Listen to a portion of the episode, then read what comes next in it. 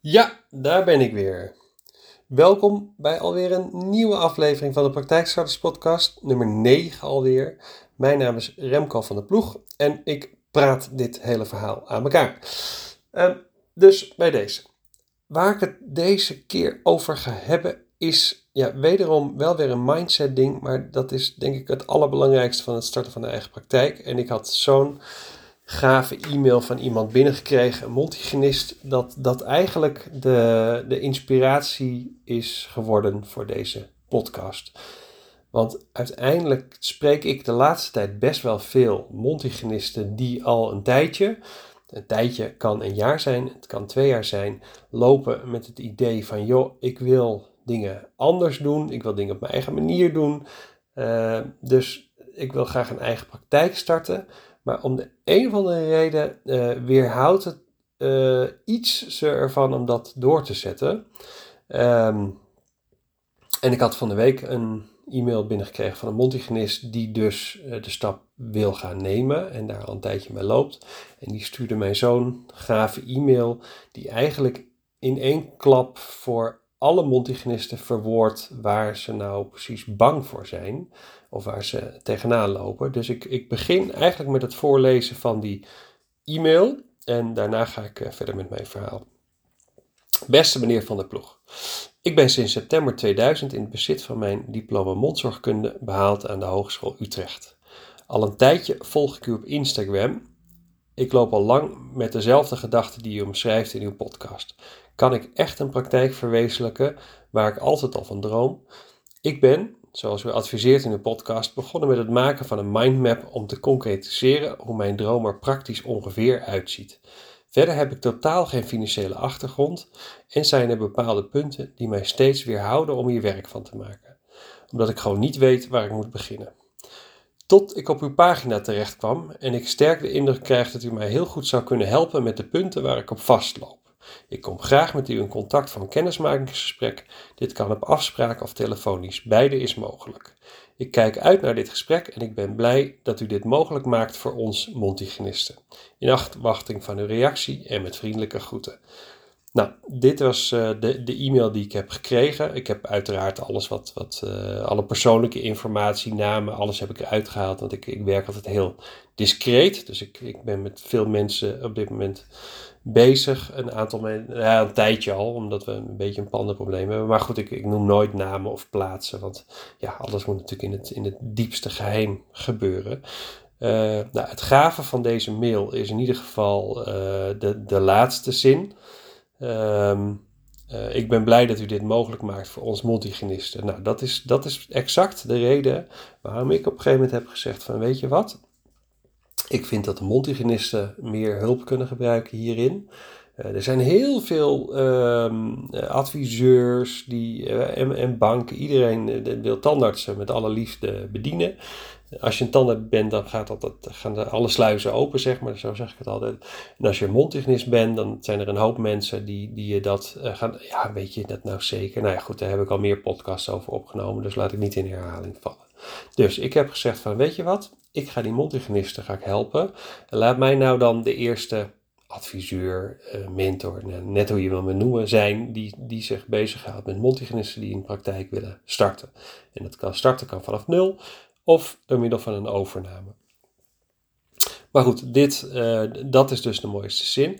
Maar waar eigenlijk deze podcast van deze week om gaat, is um, dat zij zegt, uh, en dat is waar, ik heb geen financiële achtergrond uh, en ik weet niet waar ik moet beginnen. En dat zijn eigenlijk de twee dingen die ik nog het meest hoor.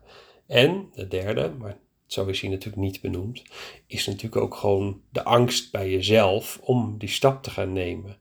En die angst, dat is, weet je, de, je, je, je denkt bij jezelf, ga ik succesvol zijn? Kan ik het wel betalen?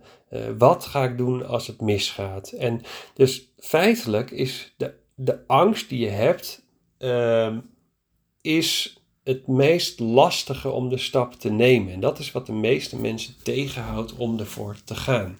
En ik herken dat heel sterk. Ik kwam ook uit een uh, situatie waarbij ik in loondienst was van een uh, bedrijf. Ik had een hartstikke oké salaris. Ik had een auto en een laptop en een telefoon, alles erop en eraan. Ik had best wel veel vrijheid in wat ik deed.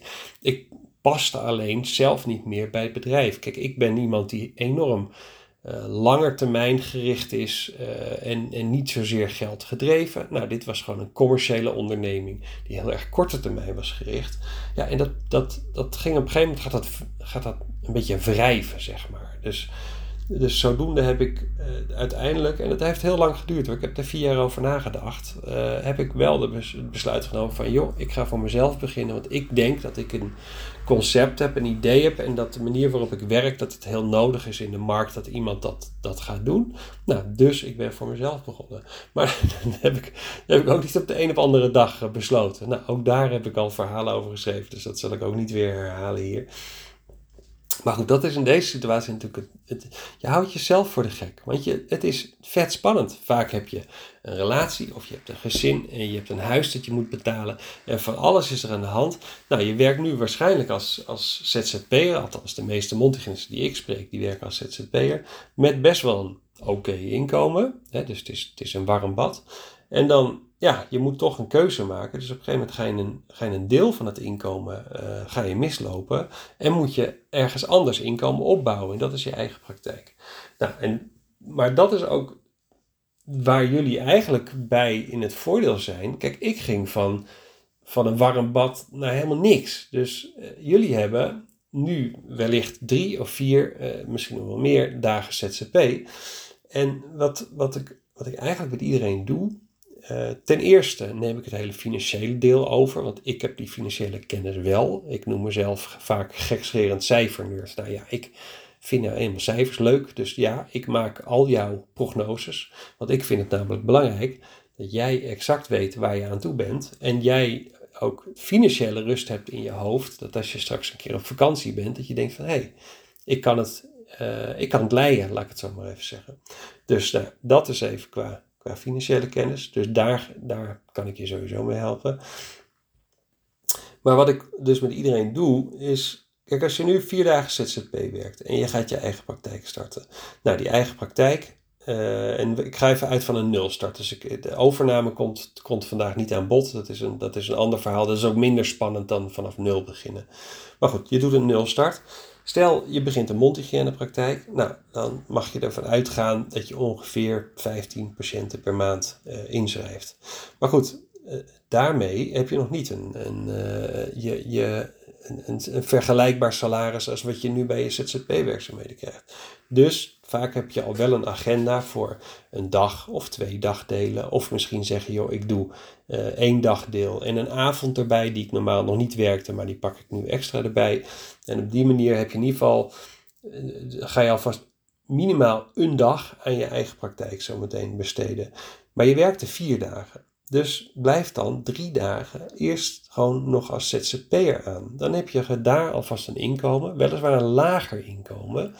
Maar vanuit je eigen praktijk heb je ook inkomsten. Dus het is niet helemaal nul. Uiteraard zijn je kosten ook hoger, want je moet uh, huur betalen of een hypotheek betalen. Een zakelijke hypotheek daarvoor je pand. Of, nou, je moet in ieder geval een hoop ook betalen. Maar goed, dat is aan mij inderdaad om naar te kijken. Als je je, ja, en zal je succesvol zijn? Ja, geen idee. Misschien uh, kijk, de meeste mensen die ik spreek, die maken heel duidelijk een keuze. Joh, ik wil een eigen praktijk, want ik wil dingen op mijn eigen manier doen. En juist die eigen manier is wat jou succesvol maakt. Dus ik denk dat iedereen een succesvolle ondernemer kan zijn met een eigen praktijk. Um, maar goed, dat, dat weet je, dat zijn ook mensen. Ik heb laatst één iemand gehad, die is dan niet geslaagd, maar zij was ook. Um, um, zij, zij kampt ook met gezondheidsproblemen, dus dat speelde ook mee. Dus dat zegt niet dat ze geen succesvolle ondernemer is, maar ze had gewoon heel veel andere dingen aan haar hoofd. En daarom is het uiteindelijk niet gelukt. Jo, en ik heb, die, ik heb haar alleen geholpen met het af te ronden. Dus ik was er niet bij betrokken toen zij haar praktijk startte. Want waarschijnlijk had ik haar op voorhand al dan al geadviseerd van joh, weet je zeker dat je dit wil, want je hebt gezondheids klachten. Dus dat is, dat is een risico. Dus misschien is het verstandiger om gewoon nog dan wat langer in op ZZP-basis te blijven werken. Dan heb je gewoon wat meer uh, nou, in ieder geval ben je wat flexibeler qua, werken. Ehm, en, en als je gezondheidsklachten, als die minder worden, op een gegeven moment voel je je gewoon misschien wel weer oké. nou ja, dan kan je altijd nog praktijk. Dus het hoeft ook niet nu. Nou, en de laatste is natuurlijk, ja, wat als het misgaat? Ja, dingen kunnen altijd misgaan. Nou ja, in het ergste geval heb je er vet veel van geleerd. Heb je waarschijnlijk ook zat lol gehad. En dan ga je gewoon weer verder als ZZP'er. Kijk, ik ben ook voor mezelf begonnen. Als ik na een jaar, kijk, ik ben nu twee jaar verder. Maar weet ik veel, voor hetzelfde geld denk ik over tien jaar van, nou weet je, ik... Uh, ik vind het wel mooi geweest, wat ik me niet kan voorstellen, want ik heb echt, dit, dit is zoveel leuker dan een loondienst, dat kan ik je alvast vertellen. Maar goed, stel, ik heb over tien jaar het idee van, nou, ik wil toch meer vastigheid, want het is moeilijk om aan werk te komen en bla bla bla. Nou, prima, dan ga ik alsnog op zoek naar een werkgever en dan ga ik weer, uh, uh, ja, dan ga ik weer voor een werkgever werken. Nou, dat kan jij ook. Maar goed, dat is, dat is natuurlijk niet de intentie als je je eigen praktijk start. Dus de mensen die ik spreek, en dat is voor mij echt wel een mega compliment op wat ik doe. En nou, dat is ook waarom ik dit ben gaan doen. Dat zijn mensen en die, die uh.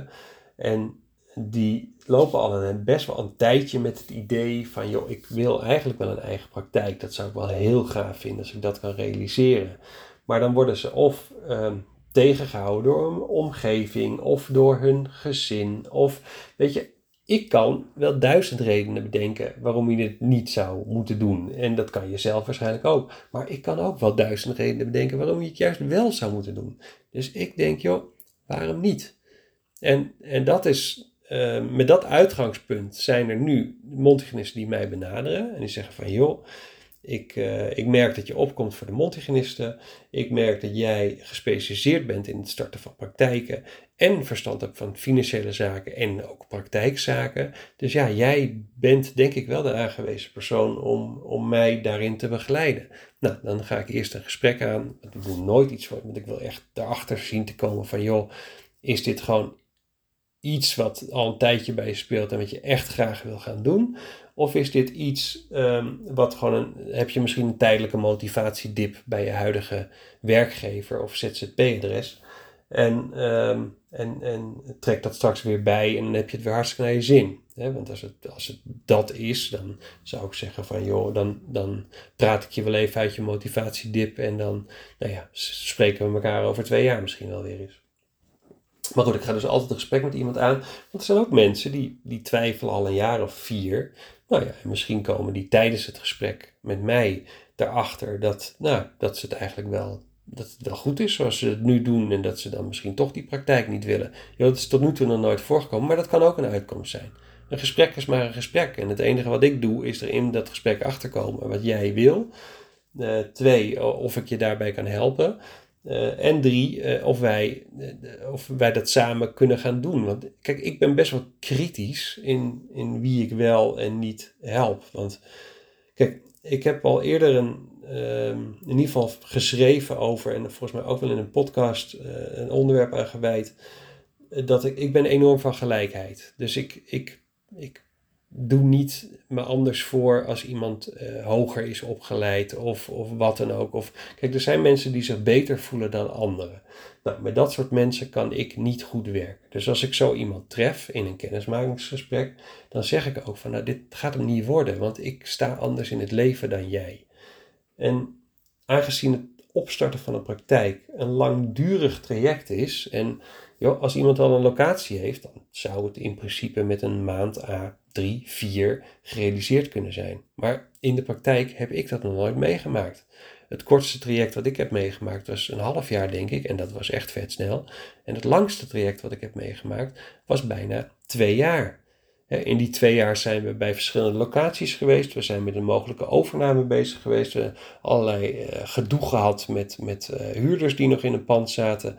En uh, dus ja, dat maakte dat de termijn gewoon. Dus wat ik daarmee wil zeggen, is als wij dus een samenwerking gaan aangaan, dan zijn we een team. En als team moeten we kunnen lezen en schrijven van elkaar. Maar je moet ook kritiek van elkaar kunnen incasseren en accepteren. En daarna gewoon weer verder gaan met elkaar. Dus het is belangrijk dat je gewoon een goede klik, goede band met elkaar hebt. Als je zo'n langdurig traject aangaat, moet je elkaar vooral niet gaan irriteren. Want dat, dat werkt niet. Nou, en dat is waarom ik heb gezegd van nou, ik wil mensen echt wel persoonlijk ontmoeten. Niet alleen maar per telefoon, maar ik wil iemand ook echt daadwerkelijk zien. Nou, en daarna beslissen we samen, hè, ik, ik ook, jij ook, of we, of we dit traject ingaan. En dat traject betekent niet dat je dan morgen praktijk hebt. Dat traject kan best betekenen dat je pas volgend jaar praktijk hebt. Maar dan ben je daar nu wel, heb je wel de keuze gemaakt, joh, we gaan ervoor. En we gaan, uh, hoe lang het ook duurt, we gaan gewoon op zoek naar een locatie. Uh, en we gaan die praktijk opzetten. En ik reken je voor dat het haalbaar is. Dus daar hoef je in ieder geval geen zorgen om te maken.